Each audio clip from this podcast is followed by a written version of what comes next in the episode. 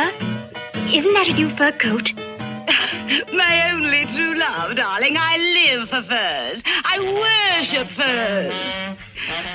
Du har kanskje ikke den store pelskåpen hengende i skapet selv, men eh, pelsen lurer seg faktisk inn på de underligste stedene i garderoben din.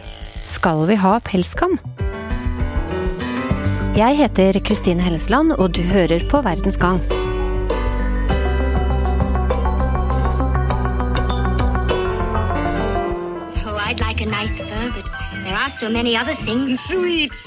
Uavhengig av hva du selv mener om pels, vil mange si at det å ha et bevisst forhold til eh, hva du har på deg, og hvor lenge du har klærne dine før du bytter dem ut, er smart.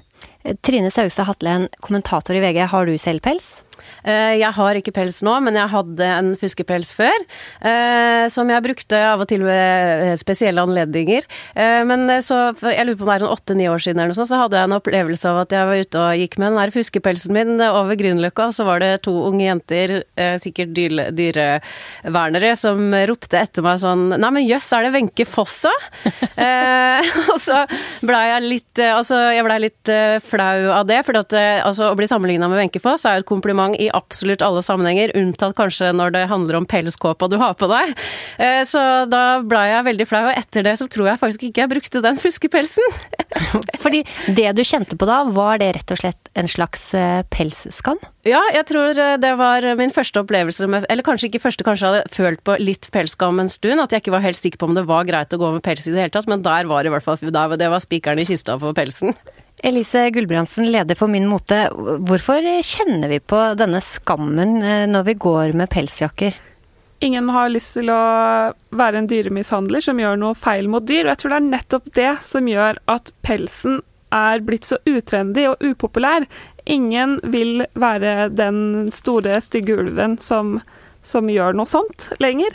Og det, har- det har jo skjedd egentlig ganske fort også, det her eh, med, med pelsgamen. Altså, de siste årene så har vi sett veldig mange dokumentarer om hvordan pelsdyrene har det i burene sine rundt omkring. Eh, sett blodige bilder av skrikende, skrikende dyr. Så det er jo eh, veldig, veldig unød, en veldig unødvendig luksus. Det, er jo, det finnes jo så mange andre typer vinterjakker i andre typer materialer som, liksom, som ikke på en måte handler om å avle frem dyr bare for å gi oss de her luksuspelsene, da, som eh, Ja, drepe noen for at vi skal pynte oss, det er jo kanskje rett og slett det det ja, handler om. det. Ja. Ja, for, og, og, og Elise, hva, hva, hva, hva sier trendene? Bruker folk pels eh, lenger? De store mothusene de kutter jo ut pels én etter én nå, og det er liksom veldig få som holder fast på det at pels er noe vi skal kle oss i. Men jeg tror nok fortsatt mange har pels liggende i skapet. Og kanskje de ikke helt tenker på at det er pels heller, for mange tenker på pelsen som den store, lange kåpa, men pelsen den sniker seg også inn f.eks. på hetta på boblejakka di, eller på anorakken som du bruker til å gå på ski, eller som en dusk du henger på veska. Og vi har jo sikkert sett mange ungdommer gå med veldig dyre parkasser, og, og der er det jo en skinnkant, eller en pelskant, eh, heter vel det da? Heter pels, og det er kanskje er det én pels som er helt totalt unødvendig, så er det den. Det er bare luksus og jåleri, har ingenting med funksjon å gjøre, er rett og slett totalt unødvendig. Men disse saueskinnsjakkene, som jo også er veldig populære, havner det i samme pelsskamkategori? Noen vil kanskje si det, mens andre ikke mener det, fordi at det, den saueskinnspelsen den kommer som regel fra et overskudd i kjøttproduksjon. Og da handler det jo mer om at man bruker hele dyret og alle ressursene, ikke at man nødvendigvis flår et dyr for å bare ta pelsen. Men også er det jo også fuskepelsen, da. Den òg er det jo litt delte meninger om. Er det også problematisk, da? Det er jo noen som mener at fuskepelsen også er med på å fremme den ekte pelsen og gjøre den fin og vakker å se på og trendy. Samtidig så er det også et miljøperspektiv med fuskepels, ettersom den er lagd av syntetiske materialer som drysser mikroplast, og hvis du putter den i vaskemaskinen, da er, da er du forbi. Da har du jo på en måte en slags dobbel skam der også. For da har du på en måte pelskammen i seg selv som går på det med, med, dyr, at du dreper dyr. Og så har du i tillegg da den miljø, miljøskammen, da. Som vi jo kjenner igjen fra noen av årets nyord i 2019. Flyskam, kjøttskam, kjøpeskam. Altså vi har snakka veldig mye om ulike typer skam i 2019, og det er jeg egentlig veldig glad i å prate om. fordi at det er litt sånn pekefingermoralisme, at man hele tiden skal fortelle folk hva de skal gjøre og hva de ikke får lov til og sånn. Folk hisser seg jo veldig opp over det.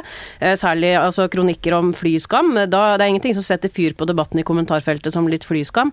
Eh, og det forstår jeg jo egentlig, for ingen liker den der pekefingeren. Men jeg tenker egentlig at jeg egentlig er veldig glad i hele debatten, for det er så bra at vi snakker om det. fordi vi i Vesten driver jo med et helt utrolig enormt overforbruk hele tiden, ikke sant. Og kanskje den skamdebatten er litt med på å liksom moderere oss litt og tenke litt tenke oss litt mer om kanskje, kanskje man skal dra på en helgetur med toget til Gøteborg istedenfor å fly til New York eller Paris for å, på venninnetur, ikke sant.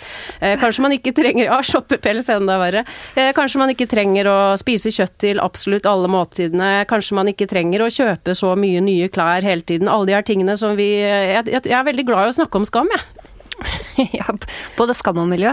Eh, for en, en, del av miljøutfordringen vår i dag, det er jo som du sier Trine, at vi, overfloden tar oss. Så vi må rett og slett bli flink, flinkere til å bruke klærne våre mer. Rett og slett bruke dem opp før vi kjøper nye. Og hvis man ser sånn på det, er bruken av vintagepels innafor, eller er det ikke det? Jeg tenker at det henger ekstremt mange pelskåper rundt om i det ganske land, på loft og kjellere, og ligger nedpakka og nedstøvd. Og så da blir jeg veldig usikker på, da, er det bedre at den jakka blir brukt opp til den er ferdig og utslitt, eller er det bedre at vi bare kaster den, f.eks.? Veldig usikker. Hva, hva, tenker du, Trine? Eh, nei, jeg syns også det der er et vanskelig. For det er jo ikke noe tvil om at det er best å bruke det opp, bruke det til, til det er helt uh, ødelagt før man uh, kvitter seg med det. Og der, det er liksom uh, miljøperspektivet ved, ved pelsskammen, da. Og, men så har du jo det perspektivet også at sånn som jeg da jeg gikk nedover Grünerløkka det var jo da en fuskepels, ikke sant. Eh, men det kan jo ikke folk som ser meg gå nedover på gata, de veit jo ikke det da om den er ekte eller fake, eller om jeg har arva den av bestemor, eller om, det, om eh, jeg går rundt og har den på meg fordi jeg er så opptatt av miljø eller noen ting, ikke sant. Så, så at eh, med mindre man liksom går med sånn skilt i hånda, da, jeg bruker arvepels eller noe sånt, så, så får man jo de blikkene uansett, og folk veit ikke hva man har på seg. Det er veldig interessant det du forteller om fuskepelsen, syns jeg, at det er en sånn miljøversting, for det tror jeg ikke det er så veldig mange som veit. Jeg tror nok ikke man tenker helt på det, og så er man jo sikkert også litt kjapt ute med å dømme folk med pels også. At eh, folk tenker at det er en sikkert helt ny pels som du har kjøpt og eh, brukt flerfoldige tusen på, men jeg tror at det å kjøpe en ny pelskåpe i dag, av ulv eller mink eller sånne ting, det er forbi. Det er det egentlig ingen som driver med. Mens vintagepelsen, den tror jeg folk fortsatt er litt usikre på hva de skal gjøre med, rett og slett, og det forstår jeg veldig godt. Og de som ikke helt vet hva de skal gjøre med den, de gir den ofte til Fretex. Ehm, for Fretex de selger mange av disse gamle pelskåpene og også andre dyre luksusplagg til ganske stive priser. Trine, du skrev en kommentar om dette her om dagen. Eh, hvor startet den? Eh, du, det starta med at uh, i går formiddag så var det en veldig stor SoMe-snakkis, som vi kaller det da. Altså en snakkis på sosiale medier, fordi NRK hadde laga en sak om en kvinne i Bodø som hadde vært innom sin lokale Fretex-butikk på jakt etter en vinterjakke. og så hadde hun kommet over da en sånn luksuspels da, som var prisa til 9999 kroner. Og det var det, det sto Da hadde hun steila og blitt veldig sjokkert da over at Fretex hadde prisa At de prisa ting så høyt som om det. Eh, men jeg er veldig glad i Fretex, og det man må huske på med Fretex, er jo at eh, Fretex er jo ikke til for at liksom noen få privilegerte mennesker som er veldig opptatt av luksusvarer eller luksuspelser eller dyre ting, for at de skal kunne gjøre liksom, eh, kupp som er billigst mulig. Fretex er jo en arbeids- og inkluderingsbedrift, og de uh, har uh, masse sosiale prosjekter som de driver med, sånn at det er veldig bra å støtte Fretex. Og da syns jeg at Fretex og andre butikker som driver med, kombinerer det her med bruktbutikker og sosialt arbeid, at når de får inn sånne skatter som folk er villige til å betale veldig mye penger for, som en dyr pels eller eh, Så syns jeg at de bør prise det så høyt de kan, eh, fordi at eh, da, da kan de jo tjene mer penger. Og som jeg skrev i kommentaren min i går, hvis de får 10 000 for den pelsen i går, så kan det bli til 300 middager for noen som ikke har råd til mat. Eller 300 julegaver til barn som vanligvis ikke har noen julegaver under treet. Og det tenker jeg at er veldig, veldig positivt.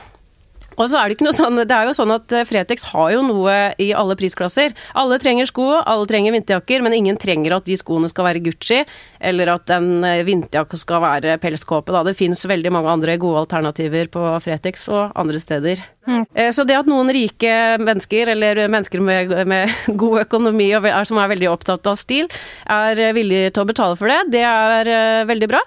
Så da kan Fretex ta fra de rike og gi til de fattige. En slags moderne Robin Hood der, altså. Og med det så kan vi kle på oss og gå ut i vinterdagen. Takk til deg, Trine, og deg, Elise, for at dere var med oss i dag. Verdens Gang er laget av Tor Erling Tømtrud, Emilie Halthår, Roy Furuhaug og meg, Kristine Hellesland. Teknisk produsent er Magne Antonsen.